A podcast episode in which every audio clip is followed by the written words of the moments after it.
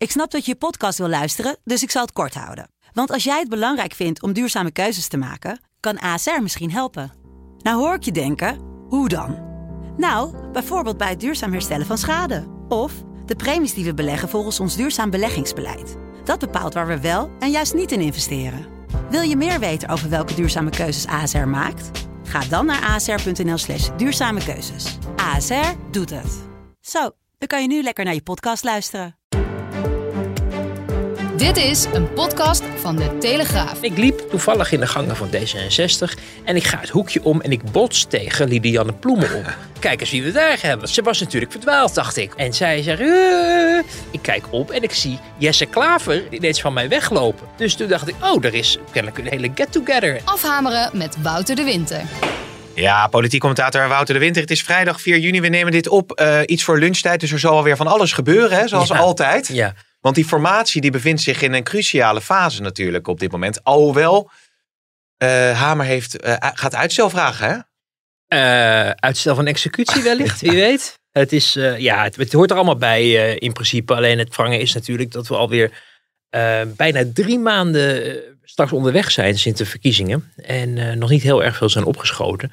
Ehm, bij de, ja, in, in, in, in, in, in Den Haag hoor je wel van eigenlijk is de formatie pas begonnen met ehm, het aantreden van Hamer. Dus moeten we vooral ook niet veel te overspannen doen over het feit dat mensen nog als egeltjes tegen elkaar aanvrijen. Eh, maar er worden wel ja, ehm, verschillen zichtbaar die op allerlei fronten eh, plaatsvinden. Hè. Je hebt natuurlijk het linkse blok dat eh, elkaar vasthoudt en Kaag uitgesproken dat ze graag haar Kaag-coalitie met die linkse partijen erbij wil om zo progressief mogelijk kabinet eh, voor elkaar te krijgen. Uh, maar ja, je hoort de rechterzijde bij VVD en CDA dat het niet zo is dat Kaag dat bepaalt. En je hoort ook dat het uitgangspunt van bijvoorbeeld Lidianne Ploemen, die gisteren boos was, Ja. gisteren donderdag dan op, uh, op Wopke Hoekstra, uh, dat hij niet even aan tafel kwam met haar te praten. Alsof, alsof Wopke Hoekstra dat niet zelf mag bepalen met wie die om de tafel zit. Alsof Liliane Ploemen heeft besloten dat nou alles overziet. Deze partijen moeten met elkaar gaan, gaan praten. Uh, nadat ze zelf natuurlijk ook allerlei partijen he, he, heeft uitgesloten. Hè? Want ja. zij wil natuurlijk ook niet met, met de PVV gaan regeren. Uh, of met Forum of wat dan ook. Dus iedereen heeft een selectie al gemaakt. Alleen uh, bijvoorbeeld D66 ook. Hè? Kaag wil niet met, met ja 21. Dus iedereen heeft al selecties gemaakt. Op het moment dat Wopke Hoekstra zegt dat hij um, een combinatie met twee linkse partijen, PvdA en uh, GroenLinks plus D66, um, ja, niet voor de hand vindt liggen. Dan is dat kennelijk ja. 33 bruggen te ver voor mensen. Ja, god, wat hebben we veel te bespreken, jongens. We gaan straks het nog even over. Kun je eigenlijk spreken van Sievert Gate of niet? Um, ja, ja, het is wel. Het is ik denk steeds in die zeehond, weet je, die zo in het, in het, Siebert. in het ravijn glijdt, in die. Uh, Weet je nog van vroeger? Ja, Siebert. Ja, Siebert, ook al is hij klein. klein. Ja, Kijk dan, maar eens hoe ja. slim een zeehondje kan zijn. Ja, exact, exact. Dat was een goede serie, mensen. Ga dat vooral terugkijken. Maar daar gaan we het straks nog even over hebben. Um, ook over hoe het met de, de, de, de slinkse uh, afspraak uh, eraan toe ging. Je hebt een mooie persoonlijke anekdote daarover. Heb je mij al uh, beloofd. maar eerst even, je had het zelf ook over Ploemen en Klaver. Hoe die... Uh, naar de pers toe uh, hun zorgen over het CDA uit uh, na gesprek bij Hamer. En dat ging als volgt. Hoe ging het? Prima. Vindt u ook dat meneer Hoemstra te veel nee zegt? Maar de laatste dagen ging het eigenlijk bij anderen vooral over wat ze niet wilden. En allerlei schijnbewegingen. En uh, over het proces. En uh, die niet. En uh, die zeker niet. bijvoorbeeld weglopen. Zeggen dat je partijen te links vindt, bijvoorbeeld. Ja, dat past niet bij de tijd waar we nu in zitten. Welke partij heeft u dan? Uh, nou ja, het CDA is daar heel het meest helder in. Hoekstra, uh, hij zegt wel steeds vooruit met de geit, maar ik laat het aan jullie verbeelding over of die geit ook onderweg is. Ik ga naar het debat. Dag. Dag.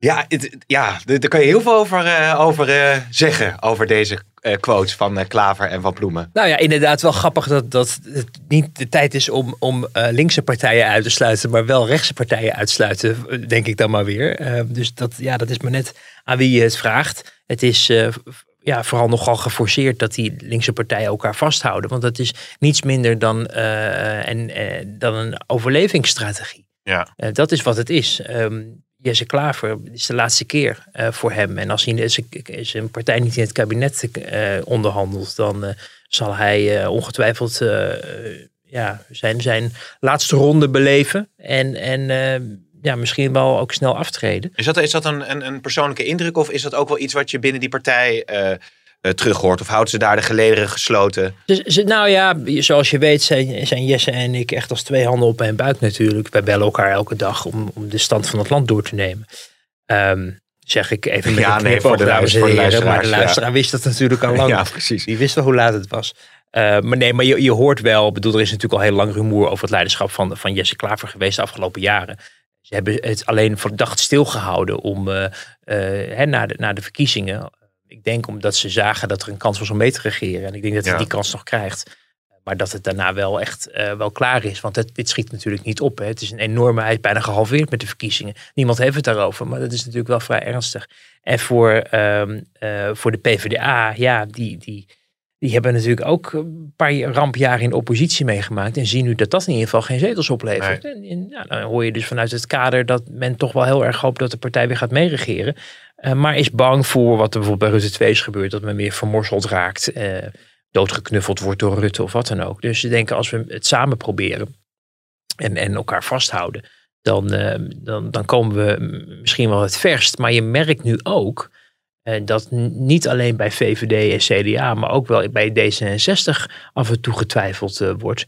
Of, of dit nou wel ha- haalbaar is. Hè? Want als je van iedereen vraagt om over zijn schaduw heen te springen, waarom is dan wel alvast afgesproken dat die twee linkse partijen dat niet hoeven te doen? En dat Ja. zij elkaar dus vasthouden. Ja. Uiteraard, ik bedoel, kunnen zij, hè, ze mogen doen wat ze willen, maar het, het frame dat het anderen zijn die tegenstribbelen en dingen niet willen en, en, en blokke- eh, blo- eh, blokkade vormen, dat kan je natuurlijk net zo goed over links zeggen als over rechts. Ja, ja. overigens ehm, zie je nu op, eh, op social media eh, dat fragment vanuit Nieuwsuur voorbij komen. Hè? Dat was toen voor die verkiezingen dat je aan het eind van eh, de interviews mocht je dan plakken met welke partijen je eventueel wilde gaan eh, formeren. Ja. En toen eh had Hoekstra, die noemde de, een, een, een, brede, een brede coalitie, of in ieder geval veel partijen. En daar zat de SP bij, en daar zat de PvdA bij, en daar zat D66 bij, en daar zat GroenLinks bij. Is, ik, ik vroeg me af toen ik dat terugkeek, van ja, wat, wat is er iets binnen die partij veranderd? Of eigenlijk had hij altijd al wel een vrij rechtsprofiel? Wa- Wat, wat, wat was... Ja, ja. eh, Hoekstra heeft, heeft wel een rechtsprofiel. Misschien zelfs wel wat rechtser dan, dan veel CDA'ers eh lief is. Aan de andere kant, er wordt aan hem wel veel potentie toegedicht. Dus, dus ik denk dat ze hem op dit moment eh, dat ook vergeven. En, en vergis je niet, ehm, Hoekstra heeft wel in het slotdebat nog duidelijk gemaakt... dat hij alle eh, klimaatplannen van Jesse Klaver echt... eh, ja, onhaalbaar Ja. vond. En, en dat ook echt uitgesproken van als, als, als dit is wat u wil, dan gaat het echt niet lukken met ons. Ehm, nou, die klimaatagenda van GroenLinks is niet ineens veranderd natuurlijk. Dus er is ook voor de verkiezingen wel een signaal afgegeven van... Hmm, alleen ja, met, met Nieuwsuur, ja, dat is... eh, ik denk dat, ze, dat, dat het CDA natuurlijk altijd een partij is geweest... die niet als rechts geafficheerd wil worden... maar het liefst de, de stabiele middenpartij wil zijn. Nou, dat is misschien inmiddels de VVD eh, geworden... Ehm, maar ja, het waren denk ik. ehm, eh, de CDA heeft wel lang nog wel gedacht dat misschien met de SP nog wel wat te Ja. doen viel. En ChristenUnie is natuurlijk op zich een logische bondgenoot. Het Ja. vinden ze ook wel prettig de afgelopen jaren, omdat de ChristenUnie net eventjes wat heftiger aan één kant hangt. Waardoor zij bijvoorbeeld als het over asielbeleid zelf niet heel erg in de benen hoeven te komen, omdat de ChristenUnie dat wel deed. Eh, de SP, nou, dat heeft Buma bijvoorbeeld nog in 2017 ook geprobeerd om die aan boord te krijgen. Dat is toen ook niet gelukt. Dus er wordt al langer wel naar de SP gekeken. Uh, maar je ziet ook dat de SP zelf, waar ze voor de verkiezingen nog de mogelijkheid open hielden om weer om het toch een keer met Rutte en de VVD te gaan proberen. Na de verkiezingen daar ineens geen sprake meer van was. En ze hebben natuurlijk de verkiezingen zwaar verloren, maar die SP is zo met zichzelf bezig nu. Hm. Ook met die hele jongere Ja. club. Dat ik ook denk dat, dat de, de Haagse, het Haagse enthousiasme bij meerdere partijen inmiddels over de SP wel wat is weggeëpt Ja. vanwege ja, toch instabiliteit. Ja, want daar heb je ook laatst even wat over gezegd en geschreven in jouw column. Maar dat zou ongetwijfeld in de toekomst nog een thema zijn wat vaker eh, terugkeert. Maar zullen we nou eventjes naar de wandelgangen in de Tweede Kamer Ja, gaan? Want want dat dat- was natuurlijk toch wel ja, het, het moment van deze week. Vertel Wouter. Nou, of, het, dat het moment was, was, was moment. weet ik, maar het was wel echt, het was, het was, wel, het was wel grappig. Want ik, ik liep door het kamergebouw, het was hartstikke heet buiten. En eh, nou ja, dan zie je dat veel mensen eh, terras opzoeken rond het, rond het eh, Binnenhof. Ik overigens ook, want dat is een mooie plek om met mensen te praten. Eh, maar je moet ook goed binnen opletten wat er binnen gebeurt. Want er is wel informatie gaan. En wat wij altijd doen is dat wij heel veel rondlopen in Ja. het Kamergebouw. Ja. Gewoon te kijken wat er gebeurt. En ik liep toevallig in de gangen van D66. En ik ga het hoekje om en ik bots tegen Lidianne Ploemen op. Die eh, gehuld in een groot gekleurd mondkapje eh, zich een weg baant. Eigenlijk nou, nog net niet door mij heen, maar het scheelde niet Ja. veel. Eh, ik, en ik reageerde van kijk eens wie we daar hebben. Maar dat mondkapje was niet om anoniem zich voor te bewegen. Want je hebt het over Nee, een groot moet- gekleurd mondkapje. Was Ja. dat niet dat, dat ze niet herkend Ja, zou ze zag worden? er een beetje uit als een struikrover namelijk. Het was niet zo'n medisch mondkapje die ik hier ook heb liggen. Maar Ja. het was echt zo'n met bloemen omgeven. En die, was dan, die zijn ook wat groter. Hè, dan die. Je kan mensen wat mo- moeilijker herkennen als ze zo'n zo'n echt zo'n Nee, zo'n banier bijna op, op hun gezicht hebben. Dan Maar jij had door dat het, eh, Nou dat het bloemen ik- was. Ze was natuurlijk verdwaald, dacht ik. Want zij, zij hoort niet in, dat, in die vleugel van het gebouw. Want zij zit bij de PvdA. En D66 zit in het voormalige ministerie van Justitie eh, gebouw. Dus, eh, dus ik bots min of meer tegen haar op. En ik zeg, oh pardon. En eh, oh, nou, kijk eens wie we daar hebben. En, en zij zegt, ik zeg, oh en ik zeg de Kamer van Kaag. Want ik dacht, die loopt niet voor niks in die D66 gang. Ik zeg, die is daar. En ze bitst terug van, van, nou ik weet al waar die Kamer is. Ik denk, oh, sorry, sorry, sorry voor dat ik besta. Dus ik dacht, oh, die voelt zich betrapt. Interessant. Dus ik loop verder de andere kant op met mijn telefoon. En ik zeg de collega's op de redactie van eh, eh, Ploemen, die gaat nu bij, eh, bij Kaag op visite. En ik stuur dat berichtje en ik loop verder. En ik kijk op en ik zie Jesse Klaver samen met Corinne Ellemeet ineens van mij weglopen. En nou ja, zoals je weet, wij hebben toch een goede band, want we bellen elke ochtend met elkaar. Maar dat, als je hem dan tegenkomt terwijl hij wegloopt. Dus ik denk, waarom loopt hij loopt weg? Maar hij, hij liep dus van het D66-gebouw weg. Ik dacht, goh, zou die nou net daar vandaan komen? Ik denk, nee, dat lijkt me onwaarschijnlijk, want ik kwam Ploemen ook net tegen. Dus hij is kennelijk ook betrapt. Dus die draaide zich om terwijl ik zit te appen. En, dus ik, Oh ja. Hij hadden wel oogcontact. Nee, nee, nee, want hij, die was, hij, hij liep, maar, maar ik dacht, nou, dit, dit deugt niet. Dus ik ga even aan de, bij die, aan de, ja, om, om de deurpost, om het hoekje heen staan. Even, ik denk eens kijken, of ging, was hij, ging hij nou weg of kwam hij nou ja, terug? ja. En hij denkt kennelijk dat de, dat de kust veilig is. Dus hij loopt weer terug met Corinne Ellemeet op weg naar Sigrid Kaag. Dus toen dacht ik, oh, er is kennelijk een heel, hele get-together. En ik zag ook nog de PA van de minister van Binnenlandse Zaken en vicepremier. eh, eh, eh, die, die hing ook rond in die gang. Ja, ja, ja. Nou, collega's die hadden inmiddels ook de secondant eh, van de PvdA gezien, eh, namelijk Henk Nijboer. eh Rob Jette van D66. Hm. Dus dat was een hele, ja, een hele, een hele bijeenkomst. En niet, niet meer in de Kamer van Sigrid Kaag, maar inmiddels in de fractiekamer van D66, omdat er zoveel mensen waren. Kortom, dit was even iets anders van twee, twee partijleiders die met elkaar een kopje koffie drinken. Van, goh, wat wil jij nou? Nee, dit was een, een bijeenkomst. Strategische bijeenkomst die, wellicht. ja, Ja, die, die echt zeker wel over de inhoud moet zijn gegaan. En niet alleen maar even van, goh, waar denk jij eigenlijk dat we op vakantie naartoe kunnen Ja. komende zomer? Ehm, dus daar gebeurde wel wat meer. En dat, dat verbaasde ook wel weer bij VVD en CDA. Want die dachten, oh, hè, waar D66 zich natuurlijk eh, voor de bühne een beetje als de verbinder opstelt. Ook gisteren na die bijeenkomst bij, met, eh, met, eh, eh, met Hamer weer zei van hè, links en rechts, VVD, CDA, maar ook GroenLinks en PvdA moeten, eh, ja, moeten, mo- moeten de, een beetje de toonmatige en eh, proberen toch met elkaar Mhm. om de tafel te gaan zitten. Is er achter de schermen dus heel nauw bezig om in groot onderhandelingsverband met die partijen ter linkerzijde te overleggen. Ja. Dus dat vond ik wel, nou ja, vonden we in ieder geval het, het vermelde waard. Ze vond het ook niet zo leuk bij D66 dat we het hadden opgeschreven, want iedereen heeft toch gesprekken met Ja, elkaar. Want dat is natuurlijk de reflex die je dan hoort. Hè? Van ja, er zijn eh, her en der overal wel eh, gesprekjes. Waarom, waarom dit dan zo... eh, Nou, vooral van journalisten die zelf Ja. op het terras zaten of, of denken dat als, ik, als ze op de, op de redactie zitten dat de telefoon vanzelf al gaat. Om, dat mensen het nieuws komen aanreiken. Ehm, maar het, het, dit, soort, dit soort machinaties zijn wel belangrijk en geven ook aan dat. Hè, het, bedoel, wat horen we nou meer eigenlijk van die partijen dan dat ze terugkomen van het gesprek met Hamer en dan zeggen: ja, nee, wij vinden nu dat er dit moet gebeuren. Ja. En dan ondertussen is er ook nog een ander traject gaande achter de schermen. Het kan natuurlijk heel goed hè, dat VVD en CDA misschien wel met de ChristenUnie ergens afspreken, maar die zijn wel slim genoeg om dat dan buiten het zicht van het Kamergebouw te ja, doen. want dat was iets wat ik jou ook nog appte. Van waarom spreek je dan in hemelsnaam in het Tweede Kamergebouw af? Terwijl je weet dat Wouter de Winter en de parlementaire redactie van de Telegraaf graag, graag rondjes loopt daar. Ja, nou, het, het, het, het is wel zo dat eh, eh, de lastigheid nu is voor die mensen dat Hamer soms paar uur van tevoren Ja. kan aangeven wat ze van plan is. Eh, en er zijn natuurlijk ook overleggen met de fracties over onderhandelingsstrategieën. En het gewone Kamerwerk gaat natuurlijk Ja, ook door. Dus er moet toe gestemd worden. Dus het is ook niet zo van, weet je wat, we spreken af in de Van der Valk in Tiel. En dan gaan we daar even bij elkaar. Dat is de Forum voor Democratie, hè? de Van de Precies, Valk in precies. Tiel. Ja, voor de fijnproever dit, ja. ja, Dus, dus dat is ook wel weer ingewikkeld. Maar eh, kijk, ehm, je moet gewoon altijd je ogen open houden in Den Haag. Want je ziet, je ziet af en toe dingen gebeuren. En, die, en dan, dan, dan trek je een draadje en dan komt er iets groters uit. Eh, maar hier zag je wel dat er wel op, aan die kant wel heel nadrukkelijk en ook in veel groter verband wordt gesproken. Ja. Eh, dus, dus nou ja, het was wel interessant. Maar Ja. ik vond het, ik vond het zo, die klaver die dan wegloopt. denk ik, jeetje. ja.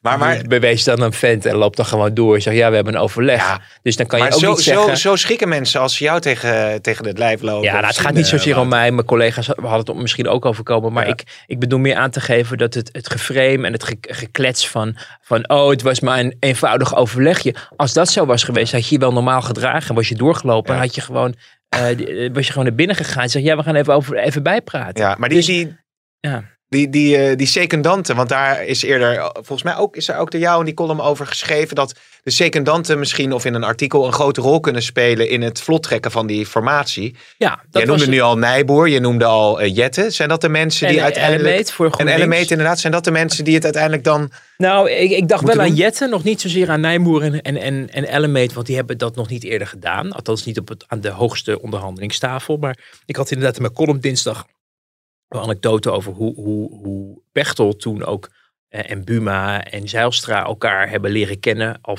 al voor de formatie eigenlijk. En daardoor gewoon eh, een, een band hebben opgebouwd. Op een gegeven moment dat plan om die twee Rembrandts te kopen. Dat, dat eh, Zijlstra en, en Pechtold op het moment dat de deal werd gesloten. in, in de Volvo van, van Pechtold naar Parijs reden. Om daar in aanwezigheid van de Franse minister voor Cultuur. En die Nederlandse minister eh, voor Cultuur, eh, mevrouw Bussemaker. Die had het regeringstoestel genomen. En ik heb me laten vertellen dat hij ook hen had uitgenodigd. Maar de twee dachten van nou we gaan wel rijden. En eh, ik meen op de terugweg toen gestopt zijn bij de hypermarché om nog even inkopen te doen. En wie was het karretje aan het duwen? Dat was Halbe, Zijlstra. Ja. En, en Alexander Pechtold dat was het boodschappenlijstje aan het Ja, dat, dat, vond- dat, dat triggerde mij ook. Dat- Dat ik dacht van, hoe zit die verhouding nou in elkaar tussen die twee? Maar goed, dat, dat bouwt wel een band op. Net als dat, dat Pechtold jarenlang eh, bij, bij Siebrand Buma over de vloer kwam. Toen ze alle twee in de oppositie zaten tijdens Rutte 2.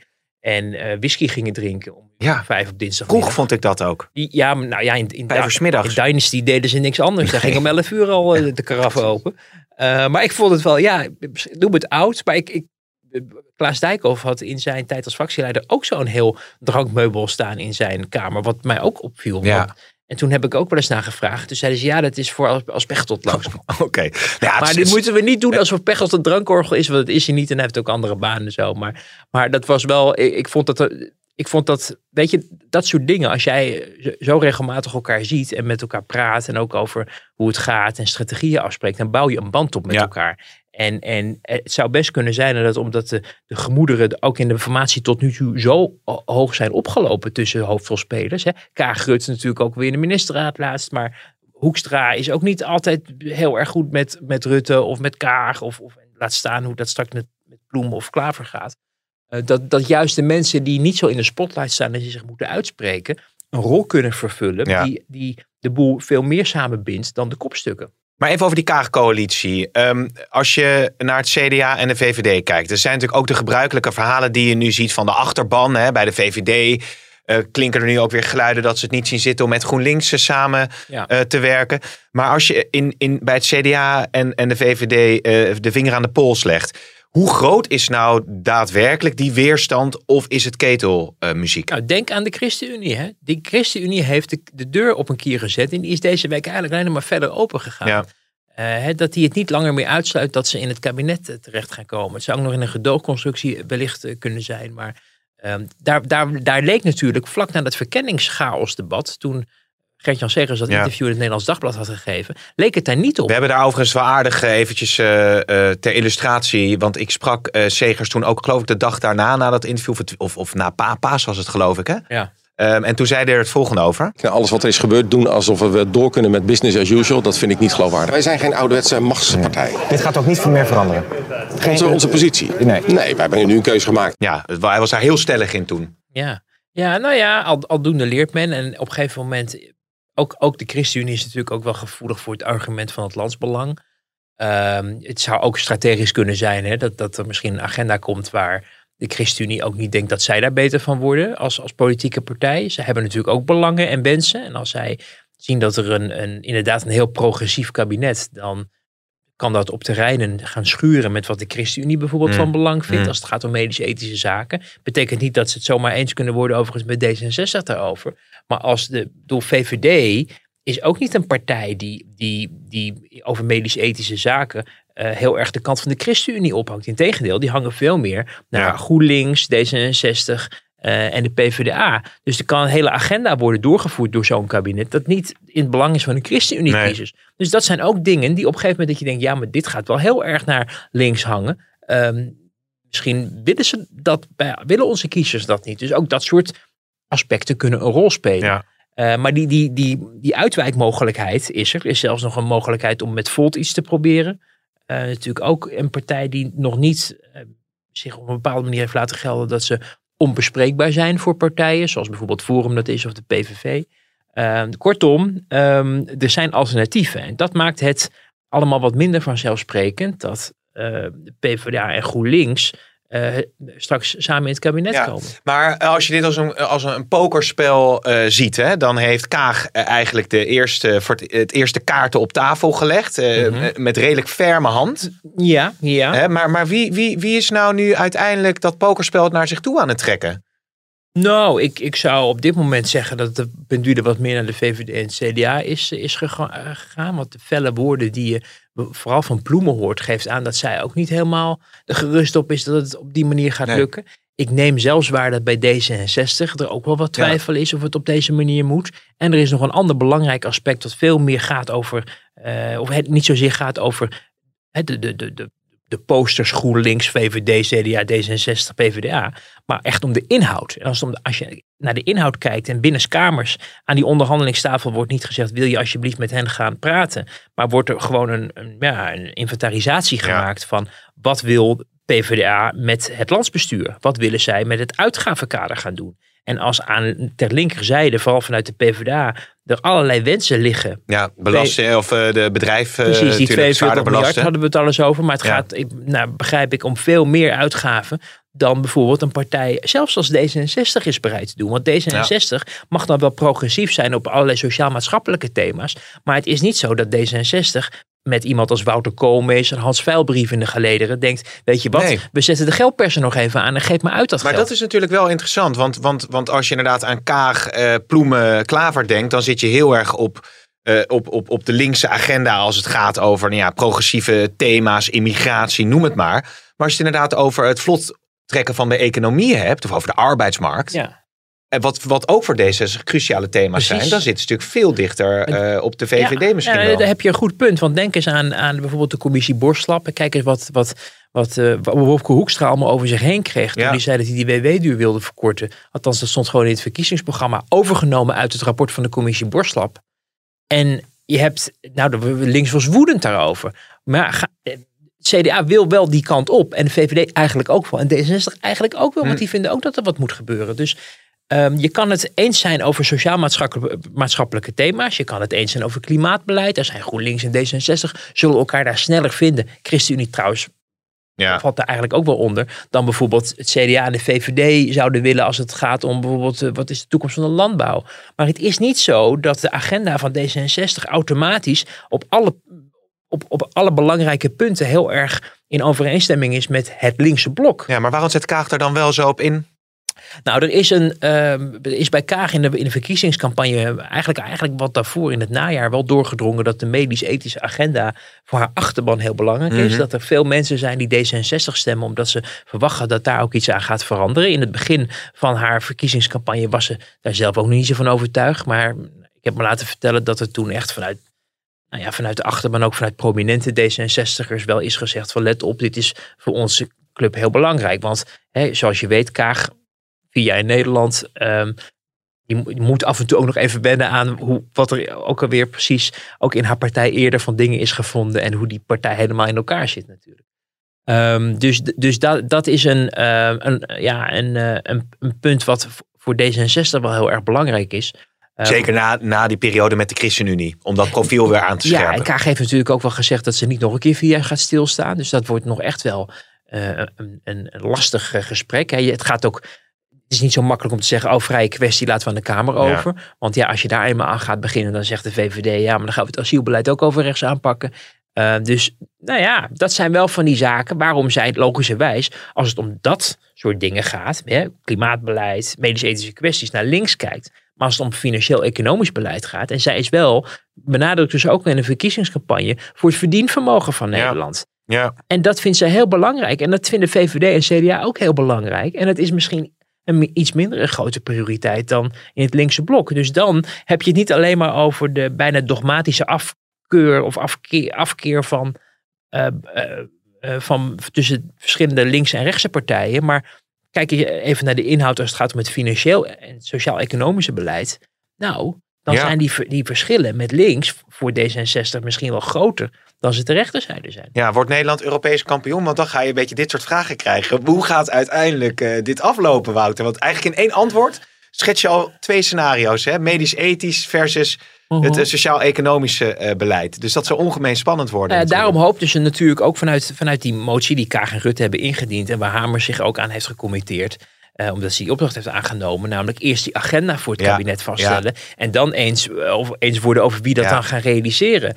Uh, crisis- en herstelbeleid is wel een heel, is, is misschien wel het belangrijkste thema. Niet medische-ethische kwesties. Nee. Crisis- en herstelbeleid. Nou, als je daar nu dan een inventarisatie van maakt. binnenskamers, in die kamer waar nu die, die gesprekken plaatsvinden. En je komt erachter dat dat PvdA en GroenLinks totaal ja. andere weg op wil dan het, het rechtse blok, maar misschien ook D66. Dan zit je in ieder geval op dat punt zit je heel ingewikkeld ja. in de wedstrijd. Gaat het om klimaatbeleid, dan zie je D66 misschien weer wel wat meer naar ja. de linkerkant hangen. Uh, maar dat doet CDA daar weer lastig over. Dat is nu wat waar Mariette Hamer probeert orde in de chaos te scheppen. Ja. Maar het geeft ook aan hoe ingewikkeld dat is. Ja, je kan wel leuke koppen maken overigens met Mariette Hamer. Ik zie ze allemaal voorbij komen ja. in de, de thee deze week. Slaat, slaat mis en zo. Ja, ja dat soort uh, dingen inderdaad. Nog één element hierover wat ik toch even wil bespreken. Want uh, het is natuurlijk over nieuw leiderschap uh, gegaan, nadrukkelijk in, de, in de campagne. We hebben natuurlijk die, die verkennersgate gehad. eh, dieptepunt misschien wel in de periode na de verkiezingen. Je ziet nu in de praktijk dat uh, het achter de schermen overleggen. Met de kans dat je iemand van de Telegraaf tegenloopt, uh, tegen het lijf loopt. Maar dat hoort, dat hoort gewoon dus bij politiek. Dus je kunt dat, je kunt dat niet nee. volhouden, toch? Maar zoals je weet heb ik ook... Ik heb altijd gezegd dat ik er niet in geloofde. Hè? En al die mooie, mooie voornemens ook van Cenk Willink... die die in dat in zijn advies en in het tussenadvies had gegeven van eerst een debat daarover, daar een debat daar en dan samen eens worden. Of je ziet toch dat uiteindelijk een partij als VVD en uh, D66 als de grootste partijen en het motorblok van het nieuwe kabinet daar toch de lijnen uitzetten. En uiteraard met andere partijen bezig zijn om dan te kijken wat vinden jullie belangrijk of zouden jullie dat willen steunen of wat dan ook. Maar dat gebeurt niet in de openbaarheid. Dat gebeurt inderdaad in sessies zoals ja. de eentje die ik dan op het spoor kwam. Maar er zijn er natuurlijk nog veel meer. Um, en en um, ik, daarom denk ik ook dat we straks toch toegaan, als het kabinet er eenmaal zit, uh, dat je zal zien dat het eigenlijk een, een uh, nou niet een kabinet hoeft te zijn wat heel erg lang zit. Uh, vanwege de grote verschillen en de lastigheden en het feit dat de coronacrisis. En die, en die parlementaire op zijn einde ja, natuurlijk. Ja, maar dat wel er een, een, een kabinet zal zijn dat gewoon ook weer het werk zal moeten doen op de manier waarop de vorige ja. kabinetten dat ook deden. Uh, en laten we nog steeds niet vergeten dat de kiezer ook niet ontevreden was met het kabinet zoals het er zat. Ja, hè? Want die ja. hebben uiteindelijk, de coalitie heeft wel de meerderheid uh, gehouden. Het CDA heeft, heeft uh, verloren. ChristenUnie gelijk gebleven. Maar VVD en D66 gewonnen. Dus um, er is helemaal niet vanuit de kiezer een signaal gegeven dat er een andere bestuurscultuur nee. moest zijn. Dat heeft Den Haag zichzelf wijsgemaakt. Onder druk van publiciteit en nou ja, de, die malle memo's van, met Kajsa Allongeren en zo. Uh, oh, je krijgt mail. Ja, ik krijg mail.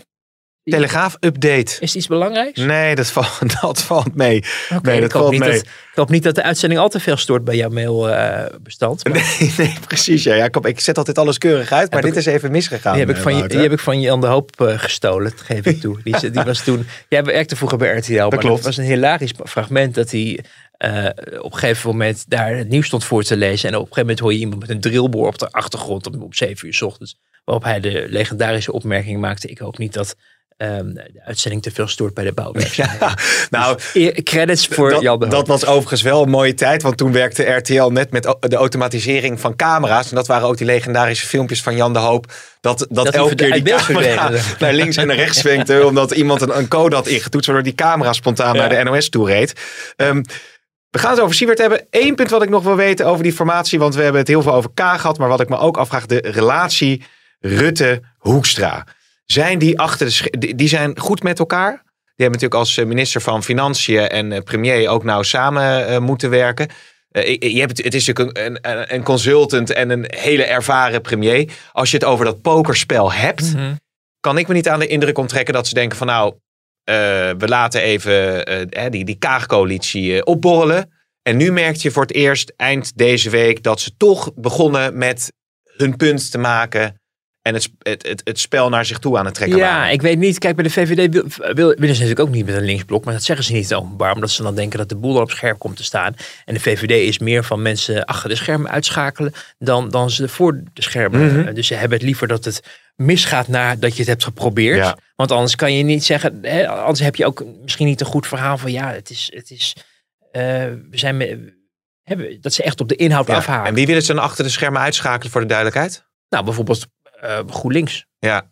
Want Ja. dat is de vorige keer natuurlijk niet goed bevallen. Nee, het nee. argument nu vanuit D66 wat je hoort is, wat doen CDA en VVD nou moeilijk? Want CDA heeft en VVD hebben met eh, Klaver onderhandeld bij de vorige eh, formatiepoging. En eh, de VVD heeft vijf jaar lang met Rutte geregeerd. Ja. Of met, met de PvdA geregeerd. Dus hoezo is dat nu ineens een probleem? Maar ja, het zijn er natuurlijk twee. Dat is stap één. En, en ten tweede, het avontuur met Jesse Klaver tot twee keer toe mislukken. Ehm, dat, dat vonden zeker de onderhandelaars van destijds. Hadden echt zoiets van, eh, we zijn genaaid. Nee, Want ja. we hebben echt, het, echt geprobeerd, maar ehm viel gewoon geen afspraken mee Nee. te maken. Dus die, die wilden dat eigenlijk eh, liever gewoon niet. Ehm, maar goed, je vroeg naar de relatie tussen Hoekstra en Rutte. Ik denk dat eh, Hoekstra voor Rutte ongrijpbaarder is dan Rutte eigenlijk zou willen. Dat merk je eigenlijk al de hele kabinetsperiode. Het heeft af en toe ook wel geknetterd tussen hen. Ook zelfs helemaal aan het begin van de kabinetsperiode is wel eens een, felle woordenwisseling eh, geweest. eh, op een manier die nou ja, verder ging dan eh, normaal eh, meningsverschil. Ehm, kijk, Hoekstra is, is ook wel een grappige, interessante man wat dat betreft. Die laat zich niet snel gek maken. Dat hoor je ook van mensen die met hem werken. Ehm, dat het iemand is die eh, ongelooflijk onder druk kan staan. Dan moet je eens kijken wat er allemaal bij het CDA ook is gebeurd. Ehm, en soms zie je dat ook wel een beetje aan hem, hè? Met, met een, eh, bij een optreden. Of dat je denkt, hè, die zweetparels of zo. Maar Zoals daar liet hij zich na afloop ook niet over gek maken natuurlijk. Precies, hè? Dat maar mentaal- relativeerde die diezelfde avond volgens mij bij, Ja. eh, bij Jinek toen al. Ja, en maar mentaal is hij niet zo snel gek te krijgen. Nee. En is, staat hij daar als een redelijk coole kikker eh, in. En is hij ook helemaal, voelt hij zich ook helemaal niet genegen naar om nu ineens de VVD vast te klampen. En zo mogen we alsjeblieft samen met jullie gaan regeren. Maar gewoon aangeven, nou ja, we hebben dus ook onze wensen. Ja. En ehm, kijk, Hoekstra is natuurlijk ook wel, eh, hij is door Buma natuurlijk daar neergezet. Ehm, Buma geeft zelf nooit interviews meer over wat hij allemaal vindt van hoe het nu gaat bij het CDA. Maar eh, Hoekstra laat zich natuurlijk ook wel adviseren en heeft ook eh, al die jaren ook in het BPO meegekeken en gesproken met, met Buma, met andere mensen, eh, belangrijke mensen in het CDA, ook veel van zijn voorgangers met wie hij goed contact heeft.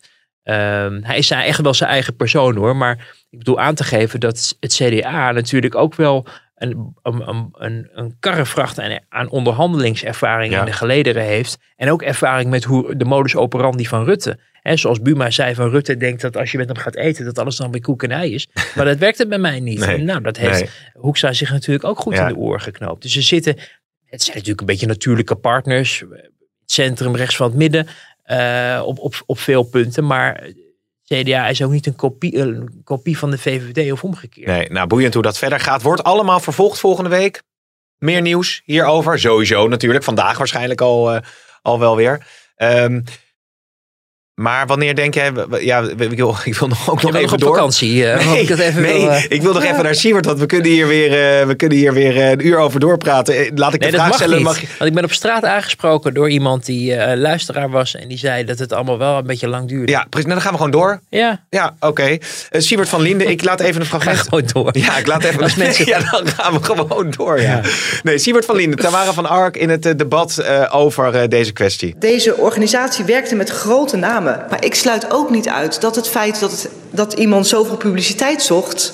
en op zoveel plekken liet weten dat hij het zelf beter kon. dat dat een rol heeft gespeeld. Nou, wat voor ons de doorslag gaf om het wel te doen. was dat het LCH zei op kwaliteit prima. op prijs prima. Maar qua aantal, ja, we hebben nog een aantal andere grote orders. Dus het, het, zou niet hoeven, het, moet, het moet niet hoeven. Better safe than sorry. Als het alleen het aantal is, dan doen we het wel. Want we hebben liever te veel dan te weinig. Ja, ze liggen volgens mij nog eh, grotendeels in het, eh, in het magazijn. De mondkapjes van Siewert van Linden. Het gaat mij niet per se om zijn persoon, maar om de dynamiek ook daarachter bij het eh, ministerie. Is, is er nou, zijn er nou echt fouten gemaakt, eh, vind jij? In, die, in, het, in die, het geven van die order aan Siewert van Linden? Nou, ik wil als eerste wel opgemerkt hebben, wat we volgens mij onlangs ook bespraken, dat iedereen lijkt te vergeten in welke stand ons Ja. land destijds verkeerde. De paniek, de angst voor het virus, de, de, de bijstering dat wij over allerlei dingen niet bleken te beschikken. Of het nou ziekenhuiscapaciteit of IC-capaciteit was, of medische hulpmiddelen. Hè. Mensen die werden opgeroepen om vuurwerkbrillen bij ziekenhuizen af te leveren. Om, om tegen het spatten en het hoesten van, van mensen. Bedoel, Er was, een, de- de- er, was, er was paniek. En men heeft ook onder druk van de Kamer, die is bekende hooivork, hè, we noemden hem al even vorige week, stond, stond te roepen dat het onmiddellijk overal pakken wat je pakken kan en geregeld moest worden. Dus onder die politieke sfeer zijn er beslissingen genomen. Kan je natuurlijk achteraf kan je bekijken, het- sommige dingen zijn goed gegaan, maar ook een heleboel dingen zijn niet goed gegaan. Maar laten we niet vergeten Nee, hoe dat die is de sfeer achtergrond toen was. inderdaad, Dat is, wel, dat, is wel, dat is wel belangrijk om te vermelden. Nou, vervolgens eh, komen er nu dankzij de Volkskrant steeds dingen naar buiten die, eh, nou, waarvan we eerst dachten, kijken, hè, want hij ontkende het eerst en Ja. hij hield zich stil. En ministerie, geheimhoudingsplicht. Nou, nou langzamerhand wordt duidelijk hoe, hoe, hoe dat is gegaan. Hè, met, denk ik toch wel het meest verbijsterende, dat hij dus, dat dat bedrag van 100 miljoen is voorgeschoten door het ministerie. Ehm, waardoor het ondernemingsrisico wel non-existent blijkt. Maar daar hou je wel 9 miljoen aan over. Maar met geld verdienen is in Nederland niks mis. En ehm, eh, je zou behoorlijk naïef zijn als je veronderstelt dat iedereen al zijn diensten in de coronacrisis om niet heeft eh, aangeboden. Er is door mensen, eh, de een zijn dood is de ander zijn brood, heel erg veel geld verdiend. Niet alleen maar door medicijnfabrikanten, maar door allerlei mensen die allerlei belangen hadden, bedrijven hadden, diensten leverden. En sommige bedrijven zijn daar, zijn daar ook goed uitgekomen, som- sommige ondernemers ook. Het, het, het, het, het is natuurlijk pijnlijk dat het hier gaat om iemand die heeft gezegd dat het om niet was. Nou, dat, dat blijkt dus niet waar, dus dat is dan gelogen. Nou, ik kan me voorstellen dat mensen daar boos over zijn, omdat het inderdaad over belastinggeld gaat. En mensen willen niet dat belastinggeld verspild wordt. Maar er is nog veel meer belastinggeld uitgegeven waar geen spotlicht op staat. Waar het misschien om nog veel meer geld gaat. En waarvan ik denk dat we de komende tijd, komende jaren, met de evaluatie en misschien een parlementaire enquête, van zullen zien dat, dat Siebert Verlinde en zijn club, eh, dat dat inderdaad niet, niet, niet, niet fraai was, geen fraai beeld geeft. Maar dat er nog veel meer dingen zijn gebeurd die bij kans nog veel erger zijn geweest. Dat maakt het niet minder erg wat er is gebeurd. En het, het maakt het vooral pijnlijk voor het CDA ook natuurlijk. Dat zij eh, die, men, die, die, die, die man hebben gevraagd om mee te schrijven aan het verkiezingsprogramma. Eh, in een toch ook wel een beetje een poging van wanhoop. Van een, een aanstormend talentachtige opiniemaker in de gelederen sluiten. Terwijl hij in zijn vroege tijden natuurlijk alle eh, partijcongressen wel langsliep om te kijken of, kijken of hij daar zijn, eh, zijn agenda eh, door kon krijgen. Dat, dat vertelde Hans Spekman vandaag trouwens nog bij Spraakmakers bij Radio 1. Dat was wel interessant inderdaad. Ik herinner het me ook nog dat dat toen kwamen ze met waslijnen of zo. Zetten ze dan niet op het podium. Een keer bij de PvdA ik meegemaakt. Eh, om de jongere generatie, nu zijn wij aan de beurt, een beetje zo'n signaal af te geven. En met, met waslijnen? Ja, hadden ze zo'n, zo'n eh, van, ik weet niet, vuile was buiten of, of nieuwe wind waaien. Of, Oké, Maar dan hadden ze zo'n, je weet wel, zo'n, zo'n, zo'n, eh, rek. zo'n rek wat je dan uit kan klappen. Ja, en dan wordt en dan het, klapt dat als een spinnenweb het- open. Juist, Ja, juist. precies. Dat, dat. Ik heb het zelf ook een keer gezien. En, en, maar daar was. Siewert dan bij... eh, Ja, die was, die was dan daarbij betrokken. En, ehm, en nou ja, Spekman zei van ik, wil, ik wilde hem toen al geen podium geven, want ik vertrouw het allemaal niet en zo. Maar ehm, het CDA heeft eh, natuurlijk hem wel in de, eh, in de, in de boezem gesloten. En ehm, dat is natuurlijk niet goed uitgepakt. En dan zie je dus ook ineens lijntjes lopen via omzicht, omzicht bij Rutte. Dat maakt het ook allemaal wel pijnlijk, want daardoor wordt het echt een CDA-ding. Het is overigens ook niet vreemd dat mensen die destijds in de publiciteit aangaven dat ze iets konden betekenen voor het land. Er werden massaal dingen doorgegeven. Ik, heb ook, wel- ik ben ook wel eens door iemand benaderd. Heb ik ook heb een nummer van iemand doorgegeven of een e-mailadres. Omdat het een beetje een alle hens aan dek Ja. gevoel was. Ja. Niet omdat ik dacht dan kan iemand veel geld verdienen. Maar omdat iemand zei van ik heb een adres of een contact die Klopt, beademingsapparatuur ja. kan leveren. Ja. Wat dan ook. En daar was het, en er werd ook volgens Ik ben ook een keer gebeld door een, iemand, eh, door een arts of zo, die Ja. iets wilde aanbieden. En die vroeg van, kan ik inderdaad ergens eh, ingangen krijgen? En als Dat ik klopt. me niet vergis, werd- werden mensen ook opgeroepen om dat te doen. Om, om, om wie kan helpen. Hè? Want dit was een soort dit was een nationale ramp. Dus ehm, die, die sfeer. Eh, ja, die, die, die is uiteraard natuurlijk wel heel erg belangrijk geweest. Maar het is dus ver gegaan. Het is via, via omzicht gegaan. En toen naar Rutte. De politieke assistent van de minister is erbij betrokken geweest. Eh, maar ja, minister Van Rijn uiteindelijk van de PvdA, die, die hiervoor verantwoordelijk was. Het wordt nu een beetje naar Hugo de Jonge geschoven. Eh, omdat hij natuurlijk van het CDA is. Maar het was Van Rijn van de PvdA die hier destijds mee bezig was. Ja. Ehm, en nu is van, eh, minister Van Ark van de VVD heeft die portefeuille. En die is nu weer verantwoordelijk. En die zegt dat haar ook de schellen van de ogen Ja. vallen over de manier waarop Ja. het is gegaan. Kortom, het is een behoorlijke clusterfuck. ja, maar zal het CDA dus inderdaad Siewert eh, van Linden gaan royeren? Want als ik dit zo hoor, dan, dan hoe, hoe schadelijk het ook voor de persoon is, eh, lijkt het me moeilijk om een andere uitweg te vinden. Nou, ehm, kijk, de vraag is, he- heeft hij iets verkeerd gedaan? Nou ja, goed, buiten het morele aspect Hij- natuurlijk. dat- hè. ja, dat hij is heeft, natuurlijk heeft gelogen, eh, lijkt het. Hè? Ja, of maar is het? Ja. ook omdat natuurlijk eh, eh, grote partijen als KLM, noem het maar, zich achter hem hebben geschaard. Ook andere opiniemakers, mensen in Mhm. de media, politici, die hebben zich natuurlijk vanuit dat filantropische aspect En die- achter zijn initiatief geschaard. Ja, en die voelen zich dan wellicht ook misleid. Hoewel bij het ministerie gaf Van Ark aan er geen twijfel over was dat er ook een marge op zat. Ja. Eh, en het gaat om heel veel geld. En hij heeft gezegd van ik, ik zet, het was nu een stichting en het was daarvoor Ja. een maatschappelijk doel bedoeld. Maar Ja. nu onder voorbehoud, want er is zoveel verwoest, verwoestende werking vanuit de publiciteit gekomen dat hij niet langer meer weet of hij zijn gezin nog wel Nee. goed kon onderhouden. Nee. Nou, Nou goed. Enfin, het, is, het is gewoon anders gegaan dan hij heeft gezegd. Maar de vraag is, wat heeft hij? Heeft hij het? Ja, heeft, is zijn, zijn wezen nu een. eh, brengt dat het CDA schade toe? Ja. Zou, zou, zou kunnen. Tot nu toe heeft het CDA gezegd. We bemoeien ons niet met wat de financiële belangen zijn van onze leden. Ehm, ik sprak ook iemand van de week in Den Haag die vaker met dit bijltje heeft gehakt. Van iemand in de eigen gelederen waar je over twijfelt en de commotie en schade voor de partij kan opleveren. En die zei van ja, je had eigenlijk eh, moeten zeggen dat, ze, dat je gaat onderzoeken of er van de partijstructuren, dus Ja. het contact met een Kamerlid, misbruik is gemaakt. Ja. Of gebruik, of maar ja, dat neigt dan meer naar misbruik op dit moment, omdat waar, waar, waarschijnlijk Pieter Om zich ook dacht dat het uit goede bedoelingen was, niet om er zelf geld aan te verdienen.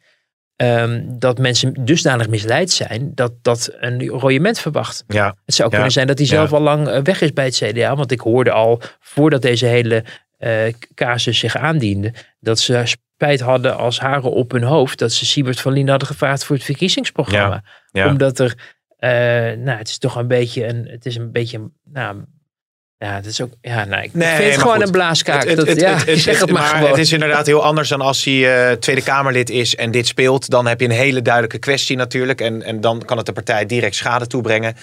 Dat is nu niet het geval. Dus hoe dat er achter de schermen Nee, aan toe nee, gaat. maar je, dat, je, je zou wel als CDA wel even goed kunnen nagaan en, en onderzoeken van wat is hier nou precies gegaan. Ja. Wie heeft hij allemaal Ja. benaderd en is daar op een gegeven moment, ik bedoel, is Pieter Omtzigt voorgelogen bijvoorbeeld. Ja. Dat is natuurlijk lastig, want die zit nu ziek thuis.